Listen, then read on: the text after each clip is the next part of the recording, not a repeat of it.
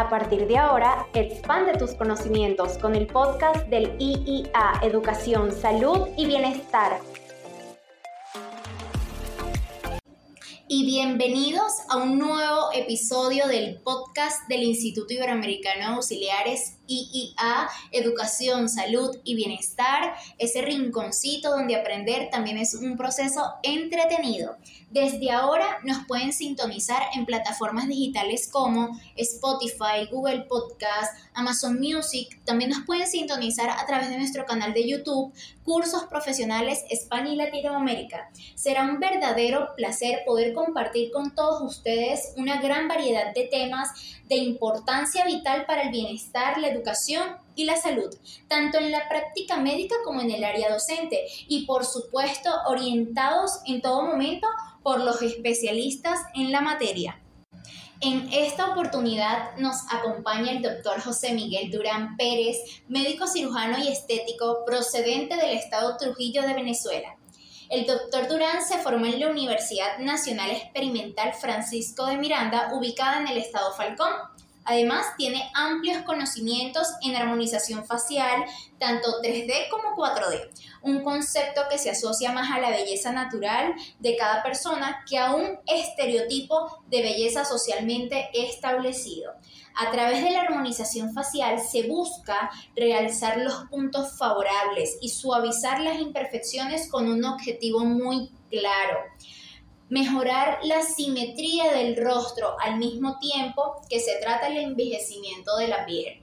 Wow, de verdad que qué importante. Con el doctor José Miguel Durán vamos a conversar acerca de los aspectos fundamentales en la medicina estética moderna como lo son la historia clínica, la importancia de esto y el diagnóstico adecuado de cada paciente. Así que bienvenido, doctor José Miguel Durán, gracias por acompañarnos en nuestro rinconcito de formación y entretenimiento. De verdad, súper agradecidos.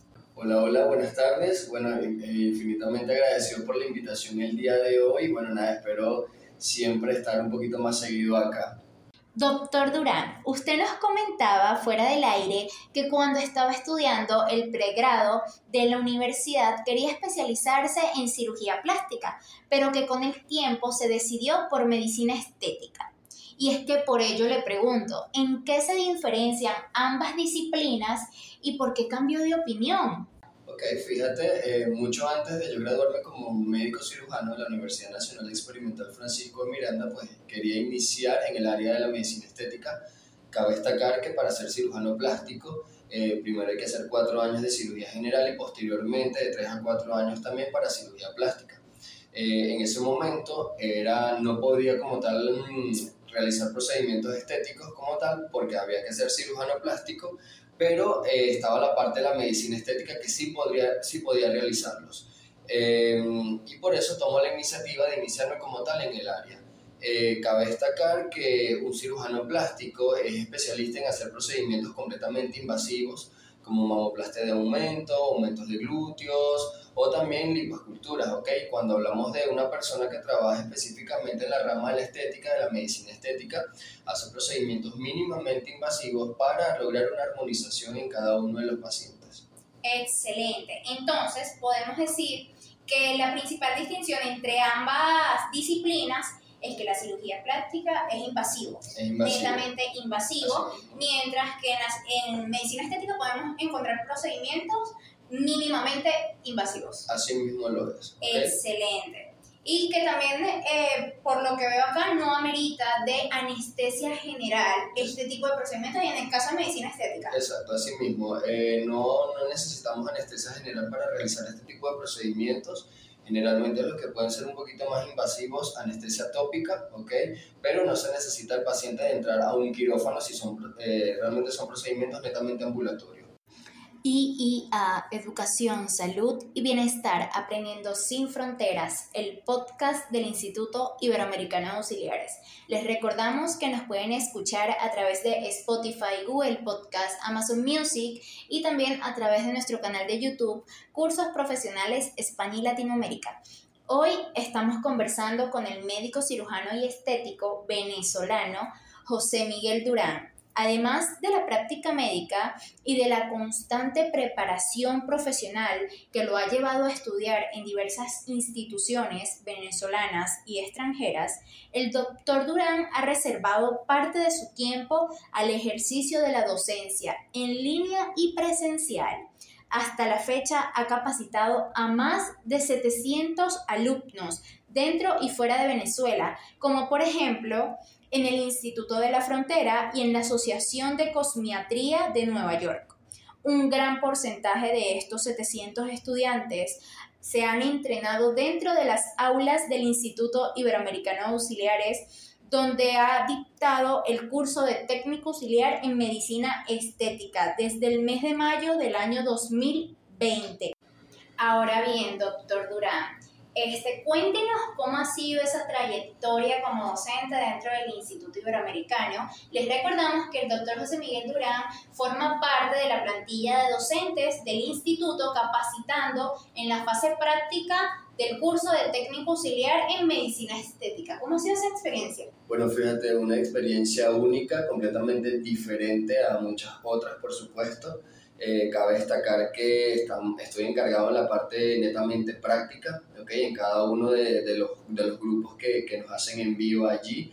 El técnico auxiliar en medicina estética siempre se le ha dado un enfoque completamente diferente a la formación de otras ramas, debido a que pues obviamente este es básicamente la primera imagen que tiene mm, un centro estético o también se puede decir que es la mano derecha de un profesional, aunque realmente todos somos profesionales, ¿ok?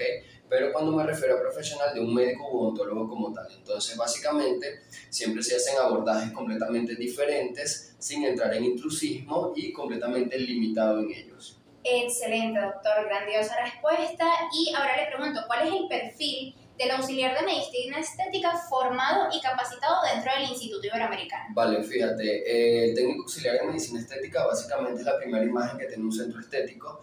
Eh, es la persona encargada de absolutamente todo, ¿ok? De orientar a los pacientes, e independientemente que el médico o el odontólogo no haya llegado allí en ese momento, pero siempre tiene la oportunidad de orientar a cada uno de los pacientes en los procedimientos estéticos, de arreglar la cabina, del saber el uso de la aparatología, de los minifaciales y preparación de la piel previamente antes de que el médico o el odontólogo realice algún procedimiento mínimamente invasivo, como por ejemplo aplicación de plasma, dermapen, eh, toxina botulínica, hilos o el mismo ácido hialurónico, que entonces el técnico auxiliar se podría decir que lleva absolutamente todo, ¿ok? Eh, independientemente que él está muy limitado, ¿ok? Porque tiene que hacer procedimientos no invasivos como limpieza faciales, hidrataciones faciales, aparatología corporal, ¿ok?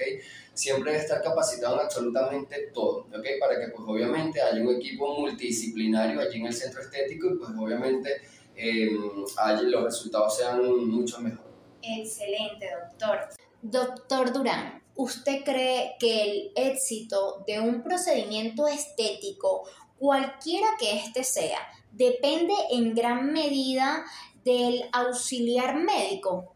Por supuesto, así mismo es. De hecho, los centros estéticos deben estar constituidos por, un, por profesionales o un equipo, mejor dicho, multidisciplinario, donde hayan odontólogos, médicos internistas, médicos generales, cirujanos plásticos, dermatólogos, cosmiatras, cosmetólogos, técnicos auxiliares, licenciadas en enfermería, debido a que este, pues obviamente entre todos van a hacer un feedback para tener resultados completamente satisfactorios en los pacientes y específicamente en que en la misma preparación de la cabina, en que el paciente en dado caso presenta algunas patologías, lo podemos referir también a algunos otros especialistas en el área o en dado caso preparar la piel previamente, que generalmente el médico sabe respecto a esos asuntos, pero el más sobre todo realiza técnicas de inyectología, en cambio el técnico auxiliar en medicina estética no realiza ese tipo de procedimientos, pero él realmente sí se encarga de la preparación de la piel previamente, que sería lo más indicado o es lo más indicado para, pues obviamente, luego hacer procedimientos que sean mínimamente un poco más invasivos. Con esta grandiosa respuesta le pregunto también, ¿recomienda usted tener eh, una cabina de medicina estética una unidad sin un auxiliar?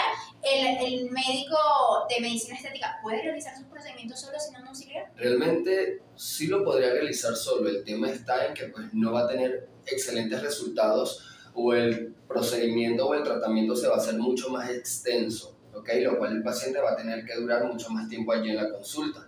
Por otro lado, eh, cabe destacar que pues, obviamente en las ciudades grandes es muy agitado el día a día y no podemos estar tanto tiempo en un mismo espacio toda una mañana o todo un día. Entonces, por eso está el equipo multidisciplinario, porque pues, obviamente mientras el médico eh, viene en camino o está atendiendo a otra paciente, el técnico auxiliar en medicina estética se encarga de atenderlo, de darle la bienvenida, pasarlo a la cabina, preparar la piel, hacer la limpieza facial, ok, hacer todo esto. Básicamente es fundamental tener técnicos auxiliares en medicina estética en un centro estético para el apoyo de las diferentes profesiones.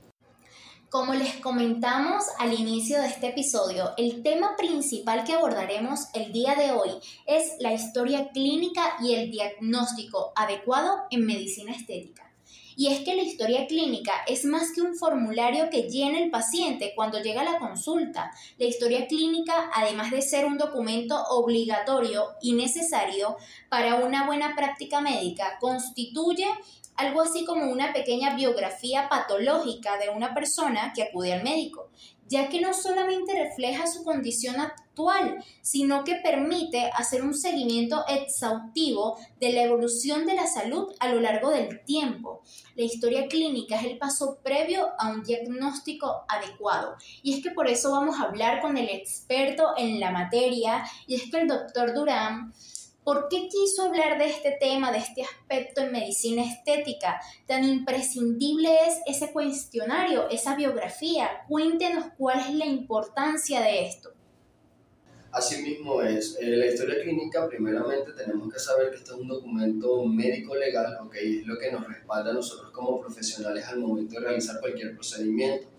Cabe destacar que en la medicina estética, en la dermatología, en la cirugía plástica, en la medicina interna o también en la misma medicina eh, convencional o intrahospitalaria, todas las historias clínicas son completamente diferentes, ¿ok? En la parte de la medicina estética eh, tomamos datos bastante importantes para poder hacer una evaluación en el paciente, aplicación de hacer un diagnóstico y posteriormente hacer un tratamiento. Dentro de eso, lo, lo único que nos respalda a nosotros como profesionales de un procedimiento con excelentes resultados.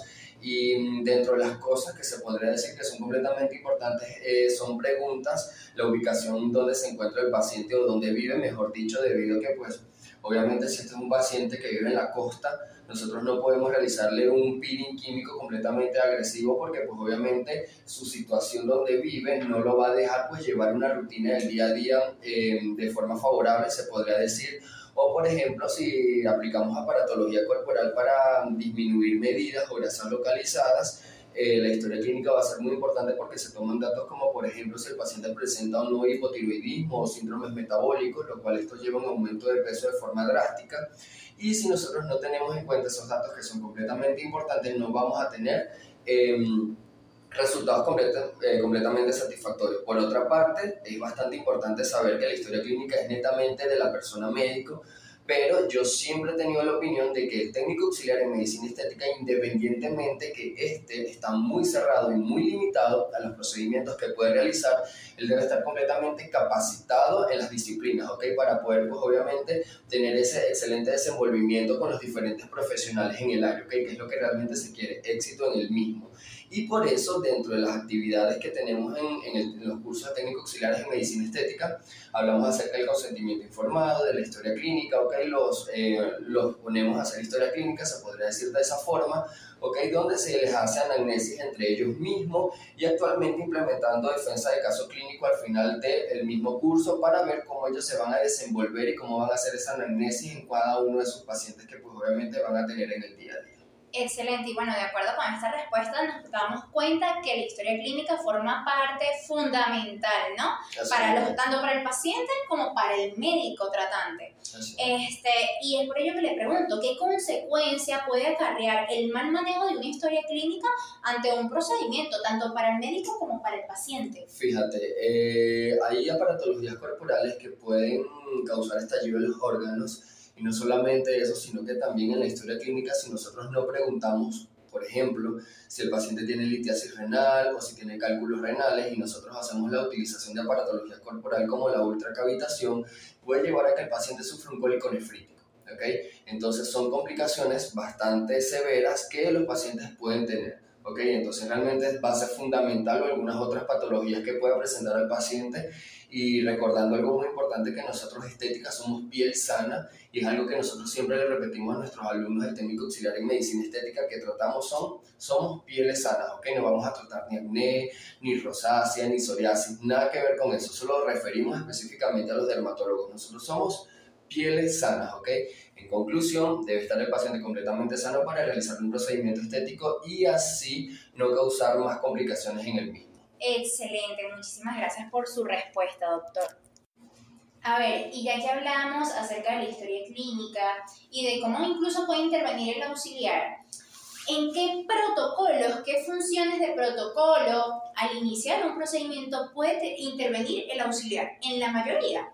Ok, fíjate, em, siempre es bastante importante tener un, complemento con el técnico auxiliar en medicina estética porque efectivamente el médico realiza la historia clínica, pero el técnico auxiliar pues también nos ayuda en el interrogatorio, la inspección del paciente, la misma palpación, ¿ok?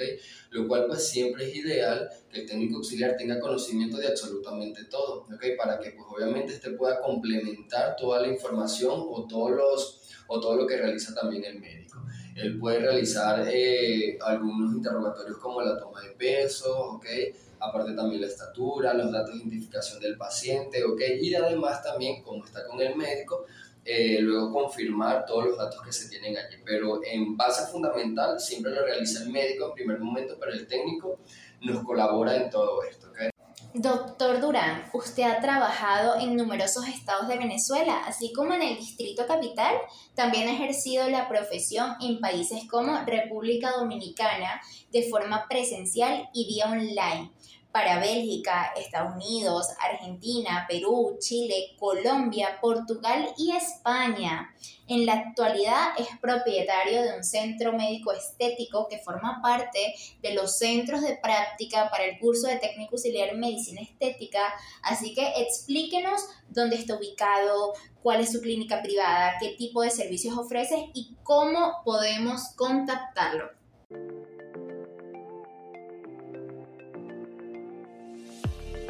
Esto fue el podcast del IIA Educación, Salud y Bienestar. Les recordamos que nos pueden sintonizar a través de Google Podcast, Apple Podcast, Spotify, YouTube y nos puede seguir a través de nuestra cuenta de Instagram arroba cursos para trabajar.